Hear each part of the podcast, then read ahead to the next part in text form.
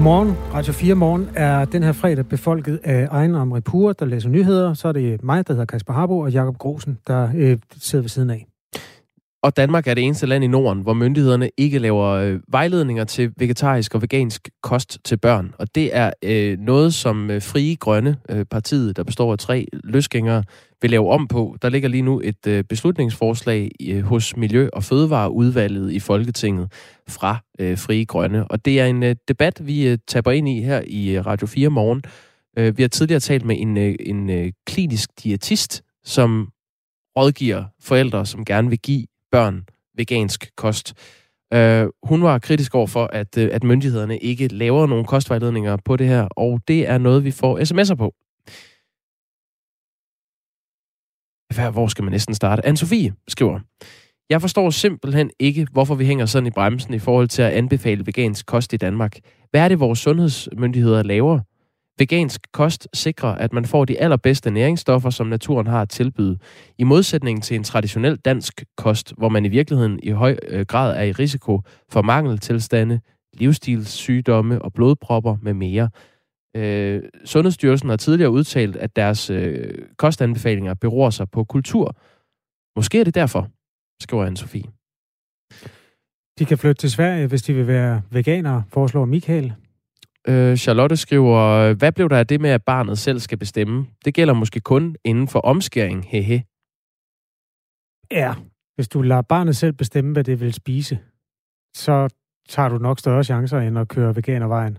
Ja, vi skal faktisk tale med en, øh, en mor her om, øh, det bliver om 10 minutter, som har et barn på 8 måneder, som øh, skal spise vegansk. Jeg er ikke sikker på, hvad han... Jo, jeg, jeg, ved, for jeg ved ikke, hvad han selv vil vælge, hvis man spurgte ham. En 8 måneder gammel? Ja.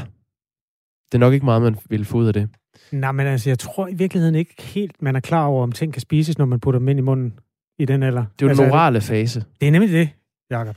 Det er nemlig det. Du har lige været igennem sammen med Elinor her for kort tid siden. Ja, altså det var Elinor, der var i den, men ja. Ja, det er sandt. Er der noget, du vil uddrage dig af? Kan vi bruge øh, din sådan anekdotiske evidens til Jeg noget? tror, at hvis jeg havde præsenteret Elinor for øh, kostvejledningsrådet fra myndighederne, så er jeg ikke sikker på, at hun havde fulgt dem. Øhm, om hun så havde læst dem eller ej på det tidspunkt. Okay. Så det er nok forældrenes opgave i virkeligheden.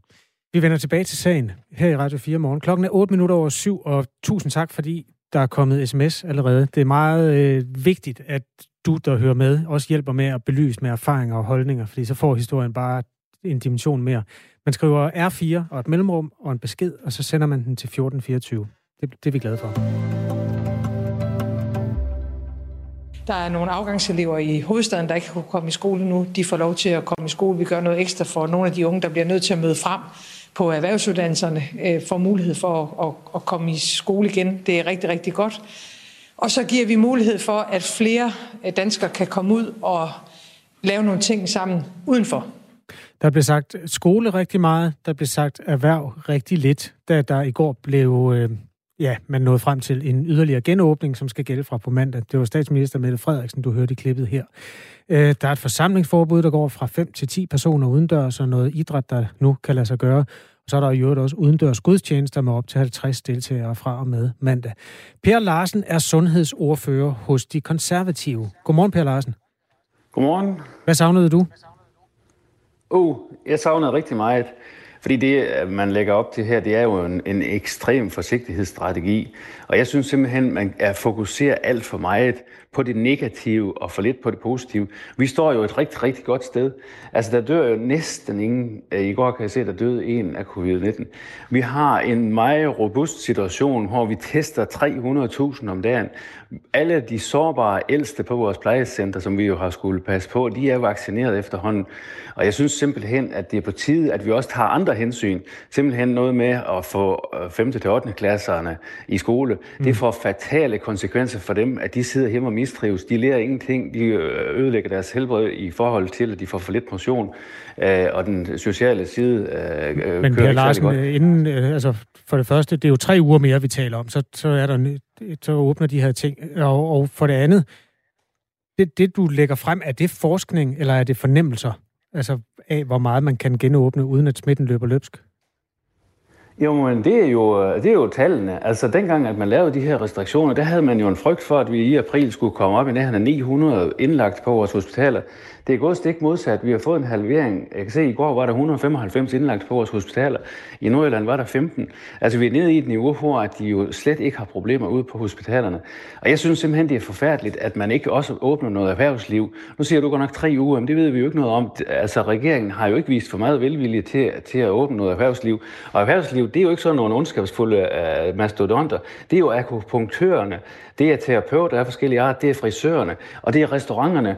Altså i den her situation, mm. hvad vil der ske ved, at man satte sig ind på en restaurant og spiste øh, et måltid mad i fred og ro? Jeg synes simpelthen, at, at det er forfærdeligt for erhvervslivet, som mange af dem har sat deres sparepenge øh, i spil her, og måske øh, taget pant i deres hus. Det er da på tide, at de kommer til at tjene nogle penge, så de også kan komme til at betale noget skat, frem for at de skal være på offentlig forsørgelse med hjælpepakker og henstand med deres moms og deres øh, skatter og sådan noget. Jeg synes simpelthen, at det er på tide, vi får lukket noget mere op. Lad os prøve at tale øh, lidt. Du har en, vi har en, en kollega til dig med, en øh, folketingskollega, nemlig Peter Velblund, der er corona-ordfører hos Enhedslisten, som lytter med her. Godmorgen, Peter Velblund. Godmorgen. Vi taler med begge sider af Folketinget nu, og det er jo ikke uvæsentligt at tale med enhedslisten, fordi hvis I havde lyst til at lave noget mere åbning sammen med Blå Blok, så kunne I jo faktisk have gjort det. Hvad er grunden til, at I synes, at øh, alle de ting, som øh, bliver nævnt her af Per Larsen, de ikke skulle åbne? Ja, det, det kunne det jo næsten lyde som om, nu siger Pelle Larsen, at erhvervsliv, det er ikke ondskabsfulde mastodonter. og nu kunne det jo næsten lyde som om, at, øh, at, at, at enhedslisten øh, tilhører en, en, en del af Folketinget, der skulle være en ondskabsfuld mastodont. Altså, der er jo ikke nogen, der er interesseret i at holde noget længere lukket ned, end overhovedet nødvendigt. Øh, og, og derfor er jeg også glad for, at vi nu kan, kan åbne lidt mere op. Og jeg vil gerne medgive, at det er ikke nogen stor åbning, men betyder, det betyder trods alt, at der er nogle elever, der kan komme tilbage til deres, øh, til deres kammerater. Det betyder, at der er nogle af de øh, erhvervsskoleelever, som var i risiko for at skulle begynde at gå forløb om, fordi de ikke får tilstrækkelig undervisning. Det er klart. De kan komme ind på skolerne igen. Men... Og der skal ikke have nogen tvivl om, nej, men jeg, bare lige for at sige, at de får, altså, når vi har prioriteret, som vi har gjort, er det fordi, at når der er rum for åbning, så prioriterer vi børn og unge, vi prioriterer uddannelse, og så kommer erhvervslivet, skal vi nok komme til.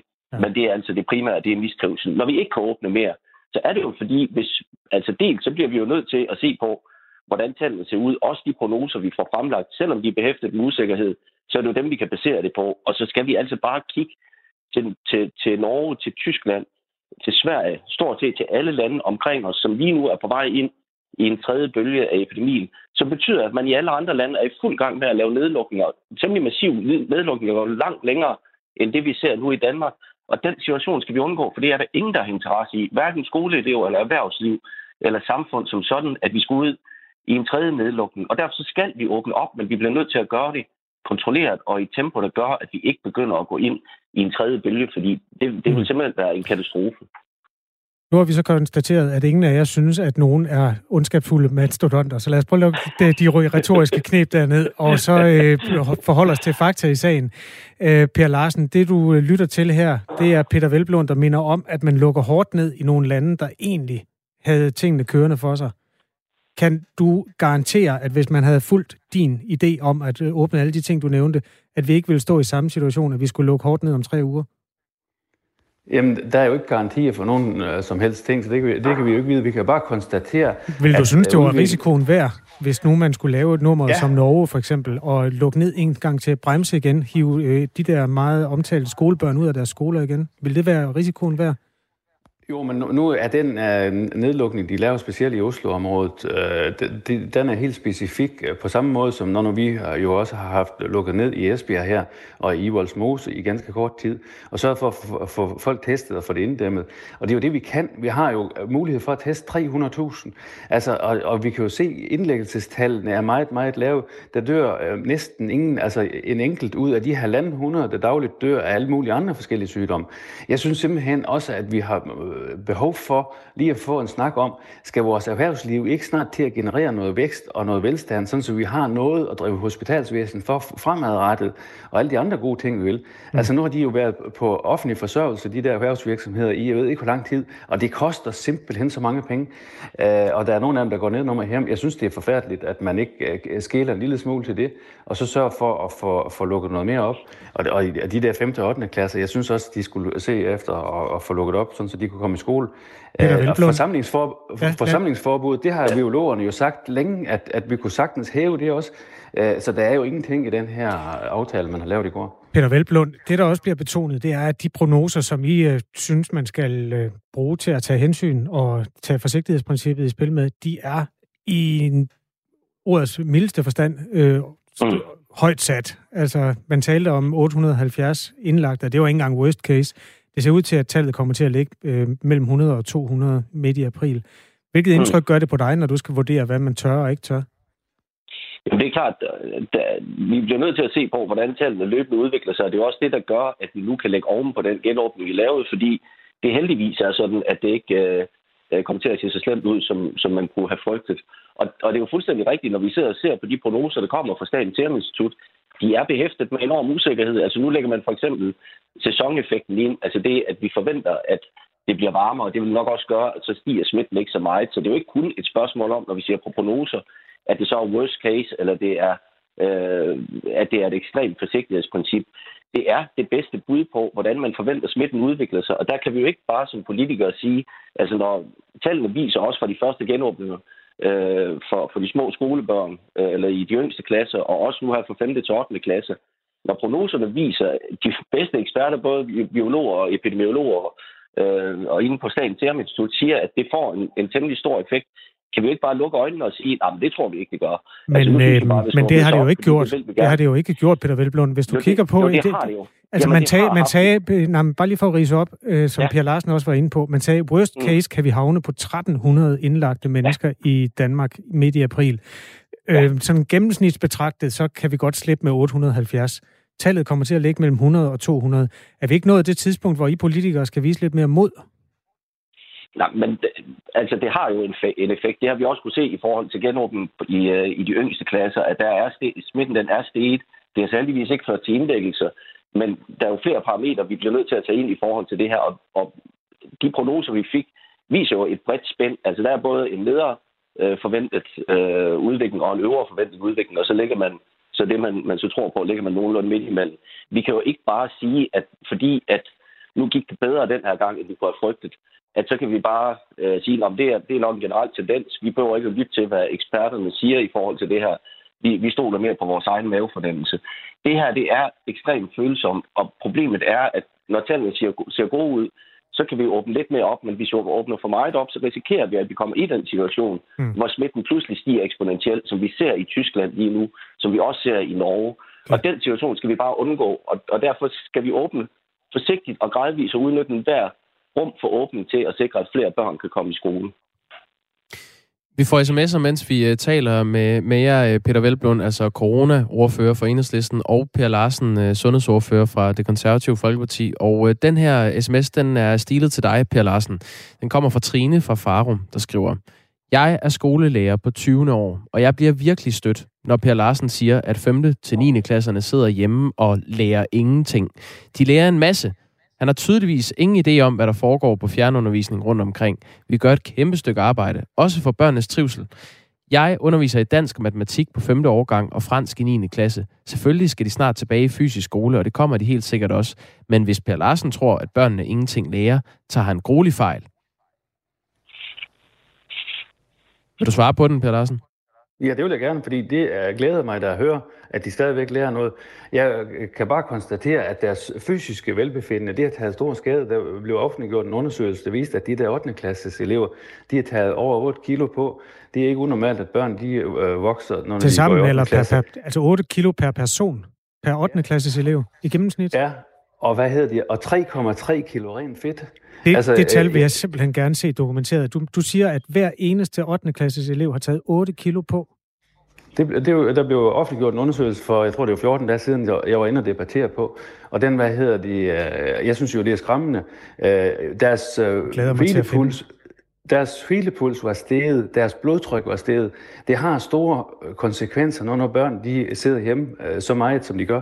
Og derfor har de da behov for at komme øh, til noget idræt og komme i skole igen, og, og komme ud blandt deres kammerater for det sociale liv genetableret. Det har store konsekvenser for vores børn og unge, det her. Det kan komme til at følge dem jo. Altså, når over halvdelen er blevet overvægtige, øh, det, det har store konsekvenser. Og jeg synes simpelthen, at man er nødt til at tage det alvorligt og sige, at nu er tallene så langt nede, så at vi skal have noget gang i samfundet igen. Tak fordi I var med. Per Larsen fra Konservativ og øhm, Peter Velblom fra Enhedslisten, henholdsvis sundhedsordfører og øh, coronaordfører. God dag til jer. Tak, lige Øhm, jamen, det kan da også godt være, at det er uklædeligt, at jeg er så kritisk over for den der øh, det, lille ballon, der bliver hejst der, at en 8. klasses elev har taget 8 kilo på. Det er fordi, jeg har en derhjemme, og hun har taget 0 kilo på, så der må være en, der har taget 16 på under coronaen. Det er ret meget på et år. Hvad har du kunne finde på den sag? Øh, jamen, det er et hold forskere fra Syddansk Universitet, som i samarbejde med TV2 har testet sundheden blandt eleverne i øh, en klasse på tre Falke skole i København, en 8. klasse. Og der kan de altså konstatere, at øh, de i gennemsnit havde taget 8 kilo på, eleverne. Jeg vil meget gerne høre fra andre, der har 8. klasses elever derhjemme, om selvfølgelig går man ikke og vejer dem hver dag, men hvis det er en tendens, at øh, det er helt landsdækkende, det kan jo godt risikere at være en lille smule anekdotisk, når man kun tager en skole ud og vejer ja, eleverne. Og det er så, det, jeg kan se, det er 7,6 kilo nøjagtigt i gennemsnit, eleverne har taget på i den her skole. Det er jo en skoleklasse, de har testet, hvoraf 3,3 kilo er, er ren fedt. Så det, der havde været en ret, øh, Per Larsen. Godt, men altså, det er jo en periode, hvor børn vokser og skal tage på i forgangen år, men selvfølgelig skal de ikke tage 3 kilo rent fedt på. Det vil jeg meget, meget gerne høre fra mennesker, der har erfaring med det her. Øh, det er ikke fordi, at øh, jeg skal sidde og save i vores politikers argumenter. Jeg blev bare overrasket, det må jeg indrømme. Tak for øhm, indspark indtil videre. Øh, SMS'er, de skal stiles til 1424. Start med R4 og et mellemrum, og så din besked.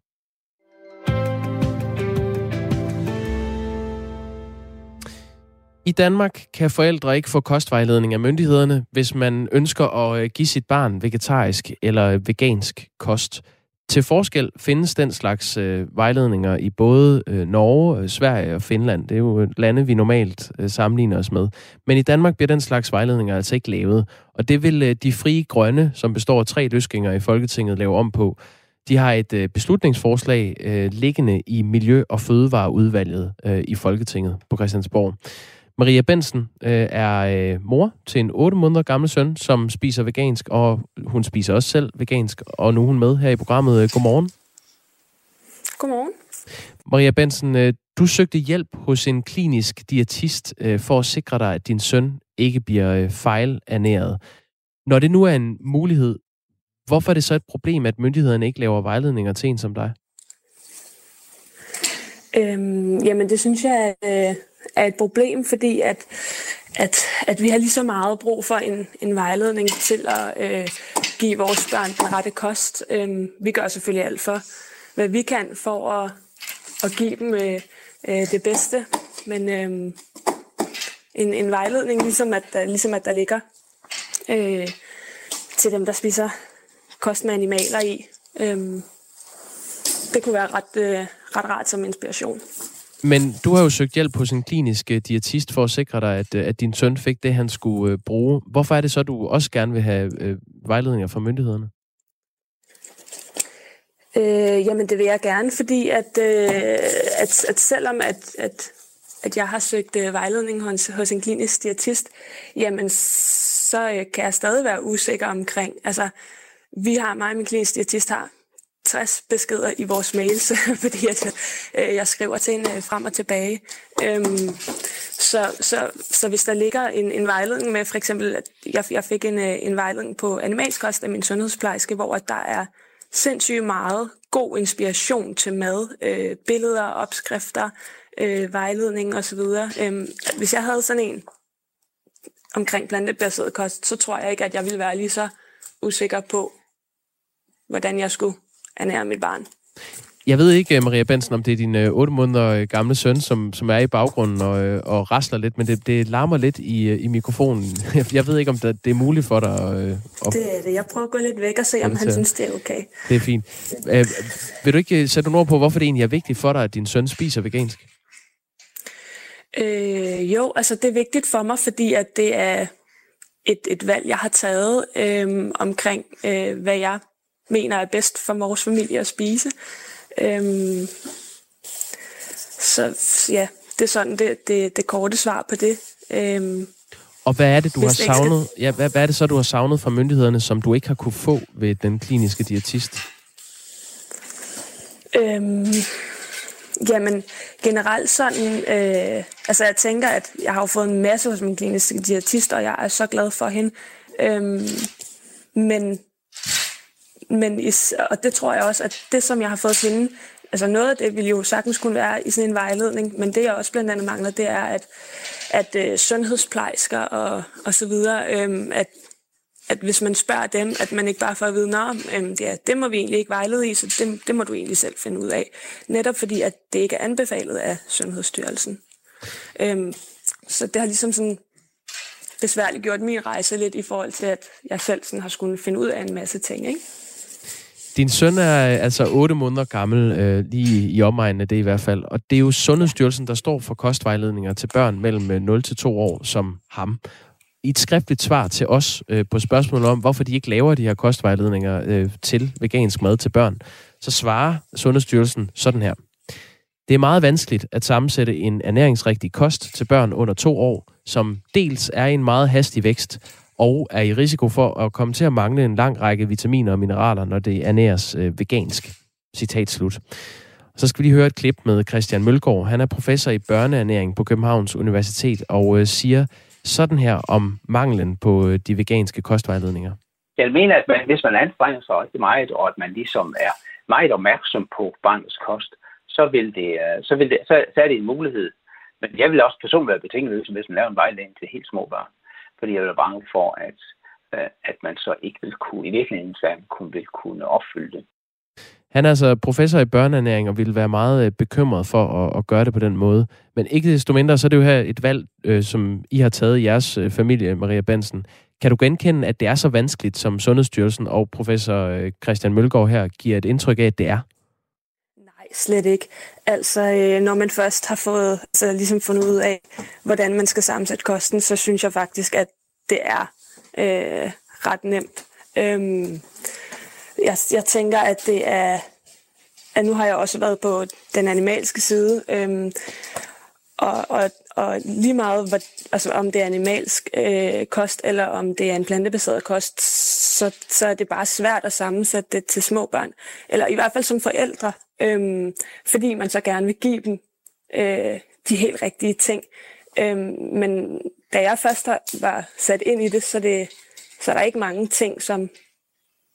Altså, så er det, så er det nemt øh, at, at sammensætte den. Men hvis det er nemt for dig at sammensætte den, hvorfor er det så, du vil have de her kostvejledninger fra myndighederne?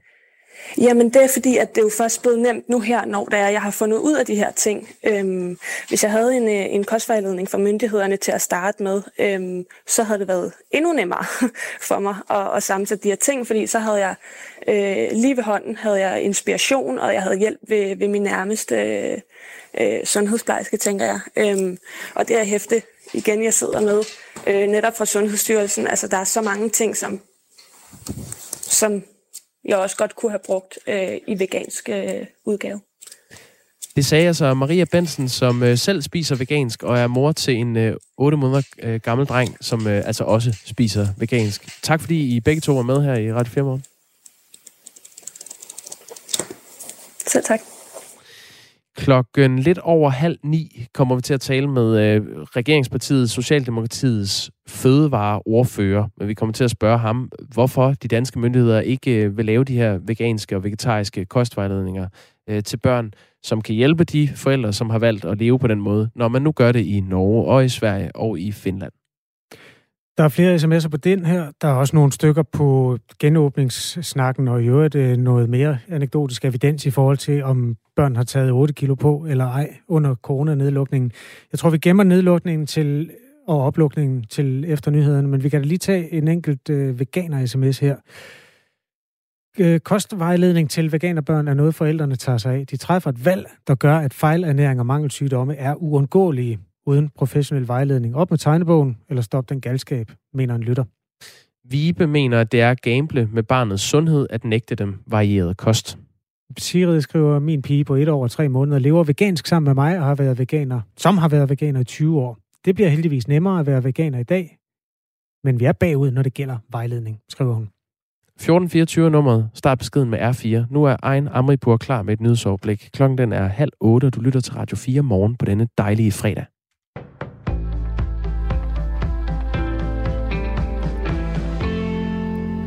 Ledende medarbejdere har kvittet jobbet i Sundhedsministeriet.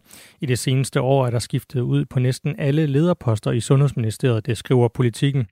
Eksperter og læger frygter for sundhedsvæsenets styring, fordi Sundhedsministeriet siden coronakrisens begyndelse har oplevet en medarbejderflugt på alle centrale nøgleposter. For eksempel er alle tre afdelingschefer, departementschefen og pressechefen stoppet. På niveauet under afdelingscheferne er omkring hver fjerde kontorchef stoppet, skriver avisen. Det betyder, at der er skiftet ud på næsten alle ledelsesposter, og de fleste skift er sket siden efteråret. Ifølge avisen fratrådte i alt 62 medarbejdere i departementet øh, sidste år. Det er 44 procent flere, flere end i 2019. Jonathan Schloss, der indtil marts var direktør for praktiserende lægers organisation, skriver til politikken, at man kan tale om, at Sundhedsministeriet er nedsmeltet. Den nu afgåede direktør var i tæt dialog med ministeriets departement om alt fra test til vacciner. Flere af sundhedsvæsenets aktører siger til avisen, at det skyldes, at for få medarbejdere har for mange opgaver. Og ministeriet er under det, som beskrives som et hæftigt krydspres fra både statsministeriets og sundhedsvæsenets aktører. Et flertal af partier er nu blevet enige om en aftale om yderligere genåbning fra på mandag. Aftalen betyder, at forsamlingsforbuddet hæves fra 5 til 10 personer udendørs, øhm, og der åbnes op for udendørs gudstjenester med op til 50 personer. Forsamlingsforbuddet for udendørs idræts-, fritids- og foreningsaktiviteter hæves også fra 25 til 50 personer. Afgangselever i grundskolen samt elever på gymnasiet og voksenuddannelser i Region Hovedstaden kan også vende tilbage på halv tid. Og så kan erhvervsskolerne også se frem til at komme tilbage til fysisk undervisning. Sundhedsmyndighederne vil frem til mandag regne på muligheden for yderligere genåbning. Den amerikanske regering truer med at indføre nye sanktioner over for selskaber, der deltager i Nord Stream 2-projektet, der skal forsyne europæiske lande med naturgas fra Europa. Alle, som er involveret i opførselen, må øjeblikkeligt trække sig eller risikere at blive ramt af sanktioner, sagde USA's udenrigsminister Anthony Blinken i går ifølge nyhedsbyrået Reuters. USA's kongres har tidligere vedtaget sanktioner over for firmaer, der deltager i arbejdet med at fuldføre projektet, der har det russiske gasselskab Gazprom som den dominerende ejer. Anthony Blinken understreger, at USA's præsident Joe Biden agter at følge op på disse sanktioner. USA's aversion mod Nord Stream 2 skyldes bekymring for, at gasledningen kan bruges af Rusland til at presse Tyskland og Europa. Rusland beskylder omvendt USA for at bruge sanktioner som et middel til selv at kunne eksportere mere naturgas til Europa. Tysklands forbundskansler Angela Merkel har flere gange afvist truslerne fra USA og slået fast, at projektet skal færdiggøres. Så kom vi til vejret. Først skyde med stedvis sne eller slud, men efterhånden klarer det op nordfra med nogen sol de fleste steder. Temperaturer op mellem 2 og 5 graders varme, og vinden bliver let til frisk omkring nordøst, der dog aftager omkring eftermiddag. På Bornholm op til hård vind eller kuling. I aften og i nat bliver det mest klart og tørt, og sidst på natten mere skyde mod nordvest. Vinden aftager til svag til jævn og drejer til vest, og temperaturerne kommer ned mellem 0 og 6 graders frost. Det var nyhederne her på Radio 4. Mit navn er Ejn Amripur, og lige om lidt fortsætter vi med Radio 4 morgen.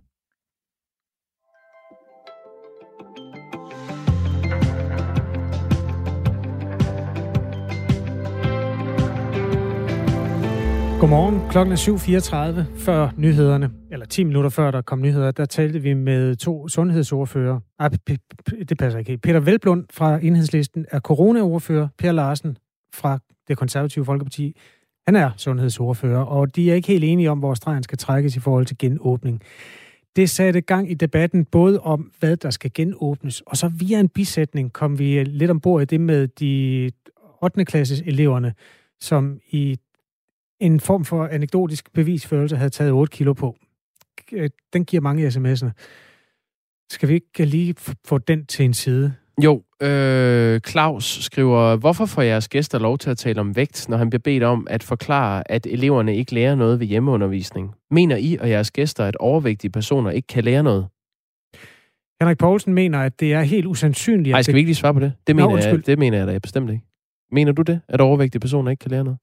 Nej, det mener jeg ikke. Godt, det var svaret til Claus. Undskyld. Øhm, her kommer svaret, eller jeg ved ikke, om vi skal svare, men her kommer sms'en fra Henrik Poulsen, som synes, at det var uklædeligt, at man gik til angreb på den øh, oplysning der med de 8 kilos vægtforøgning. Det er helt usandsynligt, at det kun skulle gælde en skole i Danmark, skriver Henrik Poulsen. Øhm, tag lige den med fætteren. Der er en, der har en fætter, der går i 9. Ah, klasse. Hvor der står den. Der. Min, min fætter, som går i 9. klasse, har taget 7 kilo på. Det er, øh, det er jo anekdotisk, men i okay. hvert fald en person, der følger samme vægtkåre som den der sådan lidt i øjnefaldende undersøgelse fra en skole i København. Jakob skriver, Detektor har haft en helt udsendelse for nylig i forhold til børn, der angiveligt har taget voldsomt på under corona. Det overordnede budskab var, at den der ene undersøgelse fra Syddansk Universitet kunne bruges til nul og niks. Men hør da eventuelt udsendelsen og blive klogere på området, og have så en dejlig dag. Og tak for det, og tak for det tip, som er kommet fra flere. Øhm, det er rigtigt, Detektor, som man kan høre som radioprogram, med, øhm, ja, med, med, med god dokumentation for de ting, man arbejder med, øh, har kigget på den der undersøgelse. Der var 11 elever med i den. Fem drenge og seks piger blev vejet. Og øhm, det er det, man kalder en meget lille kritisk masse at arbejde med. Og derfor var det altså, at øhm, ja, før den blev måske lige finde den mest øh, krasbørstige kritik. Det er helt afgørende, at vi baserer vores meninger og holdninger på evidens, altså det, vi ved ud fra videnskabelige undersøgelser, ikke det, som vi tror og tænker, lyder rigtigt, siger Jens Christian Holm. Øh, øh, ja. ja, der er også en, der skriver her, min datter går i første G og har tabt et kilo. Øhm, Mariem skriver, min søn, der går i 4. klasse, har taget på dog ikke 8 kilo. Det betyder bare, at han nyder maden frem for at skynde sig til at lege i frikvartererne. Han har 3-4 fodboldtræninger om ugen og en kamp i weekenden. Usmageligt at udnytte børn øh, for sin politik. Først var det cyklen, nu er det vægten.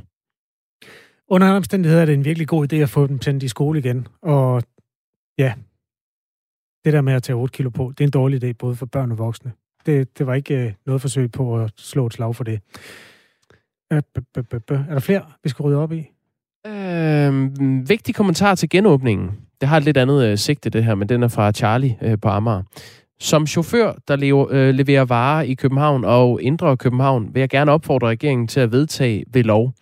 Alle, der kan arbejde hjemmefra, skal arbejde hjemmefra. Så er der plads på vejene til os, der leverer varer hver dag. Nedlukningen har været dejlig. Nå ja, det har faktisk været meget fedt, at der blev trukket lidt øh, trafik ud af ligningen. Der er ikke noget, der er så galt. Nej, men der er vel ikke noget, det er ikke noget lovkrav, at fordi du er hjemsendt, at du så skal opholde dig i dit hjem. Du må strengt taget godt sidde og lave telefonsamtaler i en bil, der kører rundt på vejene. Eller høre Radio 4 morgen. Ja, det anbefaler vi varmt. Ja, jamen øh, fra øh, børn, der øh, tager på, eller måske taber sig i nogle tilfælde, til nogle øh, køer, der øh, taber sig i øh, høj grad. Nu skal vi til Mols. Ja, Naturstyrelsen driver jo Nationalpark Mols Bjerge og er nu blevet politianmeldt for vandrygt af kvæg. Det drejer sig om nogle af de køer, øh, som går rundt og passer sig selv i øh, Nationalparken. Øh, flere i den bestand er døde af sult i vinterens løb, og der er også nogle af dem, der øh, har aborteret, øh, fordi de ikke har haft mad nok til at kunne gennemføre en graviditet. Øhm, og det er altså mundet ud i den her politianmeldelse, som har skabt en del debat de seneste dage. Dyrlæge Jens Kristoffersen er med os. Godmorgen. Godmorgen. Hvornår har du sidst besøgt dyrene i Nationalpark Mols Bjerge? Uh, nu er det, øh, vi er nødt til at rette en misforståelse. Det er ikke mig, der er tilsynsfører med dyrene. Okay. Så jeg har sidst set uh, nogle dyr i Nationalpark Mols Bjerge i efteråret, hvor jeg redde en tur. Okay. Det er ikke mig, der har ført tilsyn, og det er ikke mig, der har indgivet politianmeldelsen. Nej. Så det, det, det, det, det er nødt til lige at slå fast. Jamen, det er også en god præmis at tale ud fra. Men det er fordi, mit første spørgsmål ville egentlig være, hvordan har dyrene det? Men det kan jeg jo så stille, nu, hvor, hvor alle forbeholder taget. Ja, det, det kan du godt. Det er fordi, jeg har læst den der dyr, dyrlægerapport, ikke? Ja. Og, og, og det, er jo, det, er jo, ja, det er under al kritik. Fuldstændig. De, øh, de har i hvert fald ikke taget på i coronaperioden. Det er under al kritik, øh, og øh, det er jo helt klart, fra læsning af så er det jo helt klart groft vandrygt. Og det, det håber jeg da, at man vil, retten vil passe af. Og så har jeg jo været ude og høre lidt fra Jeg har hørt, at øh, har sagt, at det var også fordi, vi lige fik tre uger med dårligt vejr. så kunne de ikke klare sig. Men det passer jo ikke, fordi man dør jo ikke af sult, fordi man ikke spiser noget i tre uger, heller ikke når man er ko. Nej, det tror jeg nu, jeg vil gøre, men det kan man jo så diskutere. Nej, det er jo, det er jo et spørgsmål om, hvad, det, hvad du definerer med at dø. Altså, om, vi, okay. om vi skal have en kasse efter tre uger, det tror jeg ikke. Men, øh, men, men, men, øh, men det, er jo, øh, det er jo bare kulminationen på en lang, lang periode, hvor de har fået tilført for lidt og utilstrækkelig næring. Mm. Og, øh, og så siger man, ja, men det er også det, og det, det er lige sket, og det er lige sket. Og, og så begynder man jo som fagperson og professionel til, nå ja, okay, men øh, det må vi da kigge lidt på. Og så går man jo ind og får en udskrift af CHR-listerne på, på besætningen. Og der kan man jo se, at når man kigger på den sætning, øh, som, som staten har der i Gårdestræk Kronjylland her i Molsbjerg, så er der en periode fra den 1. i øhm, 1. 2019 og indtil den 14. i um, 3. her 2021, er 17, 17 procent af deres dyr har, har været så dårlige, så de er blevet aflivet eller sendt til destruktion. Hvis man så sammenligner det med, hvad er forekomsten af dyr, der er så dårlige, at de bliver aflivet og sendt til destruktion i en almindelig, almindelig øh, kødkvægsbesætning, ja, så viser det sig, at i en almindelig kødkvægsbesætning, der ligger dødeligheden på, på under 4 procent. Men det, det peger jo lige direkte ind, Jens Christoffers, i den uh, helt biologiske diskussion i det her, fordi det, man driver på Mols Bjerge, det er jo det, der hedder rewilding, med et godt Ej. nyt dansk ord. Altså igen er det, det, her, det, det er ikke det, de driver i, i, på Kronjyllands areal. Det, er, det er det jo De driver naturpleje. Men, øh, men, men, men, øh, men det, det, er jo så, rewilding vil jeg også gerne diskutere, men, men vi skal passe på det der med at holde øh, skæg for sig og snot for sig. Men er det ikke altså, meningen, at man vil drive dem i en, altså, i en naturlig kontekst? Det kan man jo, vel ikke sammenligne med en slagtestal? Nej, du, du, du kan jo, når man påstår, at dyrene har det meget bedre, så er det da utroligt, at dødeligheden er så meget større. Det er jo punkt et. Og det næste er, at, øhm, at øh, man tvinger dem ved sult. Altså man tvinger dem ved at lade være med at få dem. Der tvinger man til at æde voldsomt fødeemner, som de som de ikke ret gerne vil have for det første, men heller ikke får ret meget ud af. Og derfor kommer de ud i de her ekstreme situationer. Det er det, der er forkert. Hvis bare man, hvis bare man havde grebet ind tidligt nok, og, og tidligt nok, det er jo ikke i februar måned, tidligt nok, det er måske været i november måned, og var begyndt at få den, så har der jo ikke opstået de her problemer. Så, så det, er, det er et spørgsmål om ualmindelig dårlig management. Men er det ikke en del af naturens gang, at øh, dyr dør om vinteren, jo. når der er mindre føde? Jo. jo, det er en del af naturens gang, når vi snakker vilde dyr. Men når du har sat et hegn rundt om dyr, så forhindrer du dem i at gå derhen, hvor der er føde. Du tvinger dem til at æde underlødig føde i en periode, hvor de har brug for at få føde, så de kan holde varmen, så de ikke taber sig for meget, så de er i stand til at holde deres drægtighed. Så når man sætter hegn om et dyr, så holder man dyr med et formål. Og når man holder dyr med et formål, så er det et husdyr og ikke et vilde dyr. Og så har man en forpligtelse.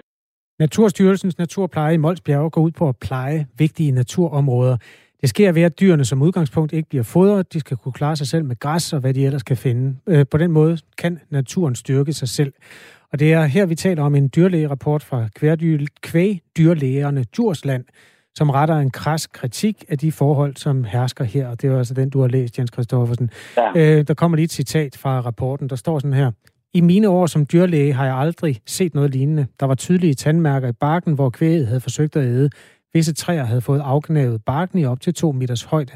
Ved yderligere inspektion af arealerne fandtes afgnævede planter af arten gyvel. Det er ret alarmerende. Det er første gang, jeg har set kvæg spise gyvel, som de har en naturlig reaktion mod øh, fordi der er gift i planten. Hvad mener du, der skal ske nu, Jens Kristoffersen, hvis du skulle bestemme? Jeg mener, jeg mener jo helt klart, at øh, mener, altså, jeg har været dyrlæge i 45 år. Jeg har jo desværre set nogle, øh, nogle vandrygsager i de 45 år. Men det er jo sådan, at de vandrygsager, jeg har set, det er jo altid psykisk syge personer, eller personer, hvis liv er brudt sammen på grund af familietragedier, eller skilsmisser, eller økonomisk ruin, som, som gør, at de på en eller anden måde lige pludselig ikke overkommer at, at passe deres dyr. Men at man skal opleve, at staten, at staten ikke kan passe den dyr. Altså, det er jo, det er jo dine køer, og det er mine køer. Og vil du virkelig, vil du virkelig have, at dine køer skal passes på en sådan måde, det er fuldstændig absurd. Så kan man jo lade være med at have dyr. Så må man jo finde på noget andet. Det, det, er jo ikke fordi, det er jo ikke fordi, jeg er imod, at vi skal have en forøget biodiversitet. Jeg vil gerne have en forøget biodiversitet. Men alting har jo en pris, og så er man jo spørgsmål, om prisen er for dyr, og om, om der måske findes andre alternativer, der kunne gøre det samme. Det ved jeg ikke. Jeg er ikke ekspert på det. Jeg ved noget om dyrevelfærd på grund af min uddannelse og på grund af min øh, lange erfaring som dyrlæge. Og hvad man kan finde ud af at gøre for at få biodiversitet, det, det må der være nogle andre, der kunne finde ud af. Mm. Men, men det her, det er, ikke, det er ikke en rimelig måde at gøre det på over for de dyr, der bliver involveret. Mener dyrlæge Jens Kristoffersen, dyrlæge gennem 45 år. Tak fordi du var med her. Selv tak. Det har ikke været muligt at få et interview med øh, repræsentanter fra Natur, Naturstyrelsen, men styrelsens direktør Peter Ildsø sagde tidligere på ugen, at man nok burde have grebet ind. Grundlæggende så er vi jo rigtig ærgerlige over, at det er gået, som det er gået. Vi har haft kreaturer og andre dyr som led i plejen af Mols Bjerge i over 40 år. Og er det så med vinteren i år her, altså at vi er kommet ind i en situation, hvor vi helt åbenlyst øh, er kommet for sent med at tage dem hjem, så der øh, har været øh, op mod 10 dyr, som enten er, vi har måttet aflive, eller som har aborteret deres kalve. Miljøminister Lea Wermelin har vi ikke kunne få i tale, men hun har kommenteret sagen på sin Facebook-profil med følgende citat. Alle de dyr, som vi har ansvaret for på statens arealer, skal have det godt. Det er ikke til diskussion. Dyr skal være sunde og raske, de skal trives, samtidig med, at de hjælper med at skabe en mere mangfoldig natur. Citat slut.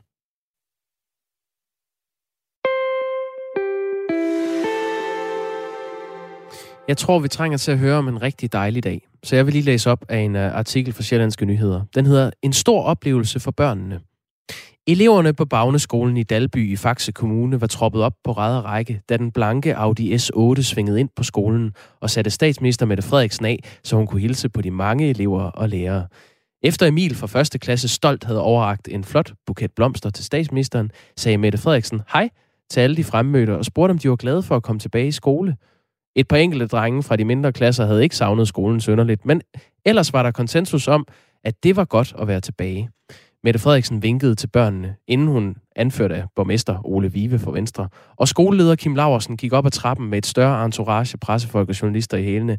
Her skulle hun besøge en afgangsklasse, men på grund af coronarestriktionerne var det kun en lille flok, der måtte komme med indenfor.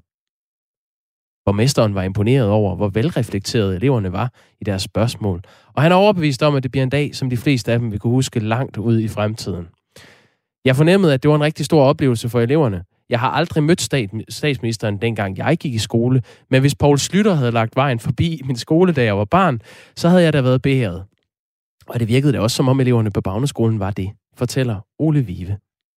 Du får det læst op som det eventyr, og straks der tænker man, kan vide, om det passer, alt det, der bliver fortalt. Var eleverne så beæret? Jamen altså, Mette Frederiksen har lagt et billede på sin Instagram, som hun jo gør, når hun oplever ting. Og der har hun skrevet, øh, tak for et utroligt dejligt besøg her til formiddag. Hvor er det bare skønt at opleve både børn og lærere, der bare er glade for at være tilbage i skole. Tale med afgangseleverne på Bagneskolen i Dalby. Her var stemningen god og humøret højt. Tak for, at jeg måtte komme forbi. Alt virker jo som så harmonisk, som det overhovedet kan være. Ja, men se de vilde billeder. Se de vilde billeder. Du gætter aldrig, hvad der så skete, fordi ned til højre i det her billede af Mette Frederiksen, der sidder med foldede ben og øh, mundbind på, øh, der er en, en 9. Klasses, øh, klasse, som de øh, ser ud og, øh, og, og er. Og nede til højre i billedet, der sidder to fyre i en øh, form for øh, sådan med armen om hinanden, og den ene i hættetrøje giver fingeren til fotografen.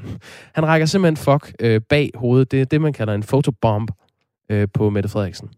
Han øh, holder armen lidt ligesom øh, hedengangne general Napoleon gjorde, sådan ind foran, sådan lidt som om, at man øh, har lyst til at pille sig i navlen, og så laver han bare lige den der med lige at strække den ene finger ud, hvilket tilfældigvis er den midterste af dem. Ja, ja det, det er langt fra den første teenager, der øh, vælger øh, at række øh, Langemanden frem på et øh, billede. Men det her det er altså bare et billede med statsministeren, som egentlig skulle signalere, at alt var godt, og at folk var glade. Og det her, det, øh, det har jo simpelthen... Det, det vækker opsigt, lad os bare sige det sådan. Det er jo, det er jo sådan relativt humoristisk, at statsministeren er kommet til at lægge det billede på, øh, og det ligger der endnu. Ja. Spørgsmålet er, giver det et dobbelt straf, tror du, på kontoret? og sådan at, at stride med fingeren? Det kunne det godt. Noget andet, jeg tænker over, Kasper, når jeg ser det billede, det er, mm. hvad, hvad skete der med afstandskravet? Altså, de her øh, øh, unge mennesker, de, de sidder jo ret op og ned af hinanden, og nogle af dem holder sågar om hinanden. Det er jeg ikke opdateret på, men er, er der ikke en strategi for, at man laver bobler, og så skal de testes inden for dem? Og så, det, det tror jeg, at det er... Men de skal ikke holde afstand til hinanden længere? Ikke to meter i hvert fald. Det er nok kun, når de synger. Ja, okay. Der er ingen, der synger dog på det billede. Det kan man øh, ikke se. Hvad har du noteret dig i, i den debat, der har fulgt? Bare, at øh, folk har haft travlt. Der er, øh, Lars Borg Mathisen fra øh, Nye Borgerlige har lavet sådan en lille redigeret ja, udgave af det, hvor han er klippet ud om der drengen. han er ikke set siden, står der. Der er, der er to udgaver af, af den samme dreng. Ja, man har set det i stedet for. Det, det er meget godt lavet. Okay, jamen... Øh, jo. Øh, altså, respekt for, at hun lader den ligge, trods alt, den der. Eller også har hun bare ikke opdaget det. Lad, lad den stå. Ja, langmanden der. Ja, men altså, hver gang du peger en langmand på andre, så er der jo fire lange mænd, der peger på dig selv. Det, det er sandheden. Godt. Jamen, så har vi også fortalt om den sag i uh, Radio 4 morgen. Mm. 9 minutter i 9. Nej, 8. Ja, altså 9 minutter i 8. ja. Men programmet er Radio 4 morgen. Og nu skal det handle om uh, AstraZeneca-vaccinen, som er sikker og effektiv. Uh, sådan lød det i hvert fald i går fra direktøren i uh, det europæiske lægemiddelagentur, EMA. Men EMA meddeler også, at de ikke kan definitivt udelukke, at der er en sammenhæng mellem alvorlige blodpropper og vaccination med vaccinen fra øh, AstraZeneca. Allan Randrup Thomsen er professor i biologi ved Københavns Universitet. Godmorgen. Godmorgen. Godmorgen. Lad os starte Godmorgen. der, uh, Allan Randrup Thomsen. Er AstraZeneca-vaccinen sikker eller ej? Altså, det vil jeg jo mene, den er. Øhm, det her er en meget sjælden bivirkning, Øhm, sådan som jeg løsligt har regnet frem til, er det øh, lidt afhængigt af, hvor, hvor mange data man inkluderer. En ud af 100.000, der er blevet ramt af det her. Øhm, og det er, er faktisk en meget lav bivirkningsfrekvens. Øh, man skal se det i lyset af, at, at sandsynligheden for en blodprop i den danske befolkning er 1 ud af 10.000, og øh, hvis man bruger p-piller, så er det en 3-4 ud af, af 10.000. Så det er altså faktisk la- øh, lavere end et andet godkendt lægemiddel, nemlig p-pilleren, væsentligt lavere, og faktisk øh, også øh, til synligheden lavere end i øh, befolkningen. At det sidste øh, er sådan, der kan forklares med, at, at det især er ældre, der er blevet vaccineret i Storbritannien, og det er især kvinder under 55, der har haft øh, de her blodpropper. Kan vi overhovedet bruge den her udmelding fra det europæiske lægemiddelagentur til noget, når de ikke kan definitivt udelukke sammenhængen mellem blodpropper og vaccinen? Jamen, det mener jeg godt, øh, vi kan. Altså, man har gennemgået talmaterialet, man har gennemgået de, øh, hvad skal man sige, cases, der har været, øh, og man har ikke med sikkerhed kunnet afgøre, om det er øh, en direkte bivirkning, eller det er en, øh, en, en statistisk tilfældighed. Øh, og så er det, man vurderer, at i denne her situation, hvor vi er under pres af corona, øh, jamen så er øh, beskyttelsen mod corona så meget mere øh, vigtig, end at der i en ud af 100.000 øh, kan opstå de her øh, tilfælde. Øh, så det er desværre sådan, som det nogle gange ser ud, når man øh, har med lægemidler at gøre, at der er øh, få eller ingen, der er fuldstændig uden bivirkninger. Og, øh, og det er så også tilfældet i, i det her. Der er jo forskellige teorier om, hvad der kan være gået galt. Vi luftede også en her i Radio 4 morgen i går, hvor vi talte med professor Niels Højby, som er overlæge ved Rigshospitalet, som mente, at øh, det, særligt det danske dødsfald og nogle af de andre blodpropstilfælde kunne skyldes, at coronavaccinerne var blevet givet forkert, øh, ikke sprøjtet rigtigt ind i musklen, øh, og dermed var noget af det havnet i blodbanerne. Det var hans teori. I Norge øh, har man øh, også undersøgt, hvordan AstraZeneca-vaccinen har artet sig, og der lyder citatet sådan her. Vi har fundet årsagen. Der er intet andet end vaccinen, som kan forklare den immunreaktion, som opstod, siger den stedlige talsmand, der hedder Paul André Holme. Altså, det lyder som om, man ikke er enig om det her øh, jorden rundt, Allan Randrup Thomsen. Øh, er det også den øh, oplevelse, du har? Ja, det er det. Jeg må sige, den, øh, den fremlæggelse, der var fra, fra de norske øh, læger, øh, var set med faglige øjne meget uklar. Øh, jeg blev ikke klar over præcis, hvad det var for, for en, en mekanisme, de, de henviste til. Øh, så der, i den sammenhæng må, må vi afvente nogle mere præcise videnskabelige øh, analyser og data, øh, sådan så vi kan se på, hvad det er for mekanismer, øh, de mener, der er involveret, og i så fald, om der er noget, man kan gøre ved det. Øhm, med hensyn til øh, det, at noget af vaccinen måske er, er sprøjtet ind i, i karrene, altså intravenøst, som vi kalder det, øh, så er der nogle gamle rapporter øh, fra omkring øh, århundredeskiftet, øh, som antyder, at hvis adenovirus, som er det, der bærer det her, det her øh, antigen i AstraZenecas vaccine bliver sprøjtet intravenøst, så kan man se bivirkninger. Og øh, jeg er også en af dem, der har noteret mig, at, at øh, der, når man indsprøjter vaccinen, ser vi ikke øh, ret tit, at folk trækker stemplet tilbage for at sikre sig, at de ikke får blod ud, altså at, mm. at nålespidsen ikke ligger inde i et kar. Og derfor kan man ikke med sikkerhed udelukke, at i sjældne tilfælde, så kan det være sprøjtet ind, sådan så noget af, af vaccinen er gået i blodbanen. Og om det så har påvirket personen eller ej, det ved vi så ikke. Men, men det er da en, en mulighed, som, øh, som desværre er meget svær at, at undersøge øh, i mennesker i hvert fald. Sundhedsstyrelsen skal sammen med Lægemiddelstyrelsen i de kommende dage vurdere, hvilken øh, betydning den her udmelding får for det danske vaccinationsprogram. Men andre europæiske lande genoptager i dag øh, vaccinationen med AstraZeneca-vaccinen. Det er Italien, Frankrig og Tyskland, og øh, Portugal, Spanien og Holland genoptager i, i næste uge. Allan Randrup øh, Thomsen, hvorfor genoptager vi ikke vaccinationen med AstraZeneca med det samme, når flere EU-lande gør det? Jeg vil mene, det er rimeligt nok, at der er et, et møde i, øh, i Danmark mellem Lægemiddelstyrelsen og Sundhedsstyrelsen, hvor man øh, på lokal basis overvejer situationen. Men, men jeg føler mig rimelig overbevist om, at de nok når til samme konklusion som, som de andre lande, som EMA, at, at det her er desværre en, en risiko, som, øh, som vi indtil videre i hvert fald må leve med, øh, i forhold til, at værdien af at få vaccineret en masse mennesker med vaccinen er, er, er, er så, øh, hvad skal man sige, er så afgørende øh, i denne her øh, fase, at udmeldingen så i sidste fald bliver den samme som EMA, at man ikke kan afvise en sammenhæng, men at vi må desværre øh, acceptere, at der i meget sjældne tilfælde, og der må understrege meget sjældne tilfælde, kan være denne her bivirkning. Der er altså... Ja. Jamen, undskyld, jeg afbryder, men det er fordi, der kom lige den sms, hvor der bliver spurgt, af, hvad med de andre vacciner? Altså, kan, kan man sammenligne dem med en til en, og er det samme typer bivirkninger? Kan du svare på det, Allan Randrup Thomsen? Ja, delvis. Altså, den der nye godkendte vaccine fra Johnson Johnson er i princippet meget identisk med AstraZeneca. Øh, så, så der tør jeg ikke sige, om der kan, man kan risikere, at det samme sker. Øh, med hensyn til øh, Pfizer og Modernas vacciner, øh, så ved jeg, at øh, EMA øh, kigger på, om der skulle være urapporterede tilfælde af, af, af, med samme symptomatologi øh, i, i forhold til de her vacciner. Øh, indtil videre øh, er der ikke, foreligger der ikke nogen data, offentlige i hvert fald, øh, som antyder det, men, men de undersøger sagen, øh, hvilket jeg synes er fornuftigt at, at se på, om der er risiko ved de andre vacciner. Øh, det vil være den naturlige reaktion, øh, når man har oplevet sådan noget som det her. Så ganske kort til sidst, øh, Allan Randrup.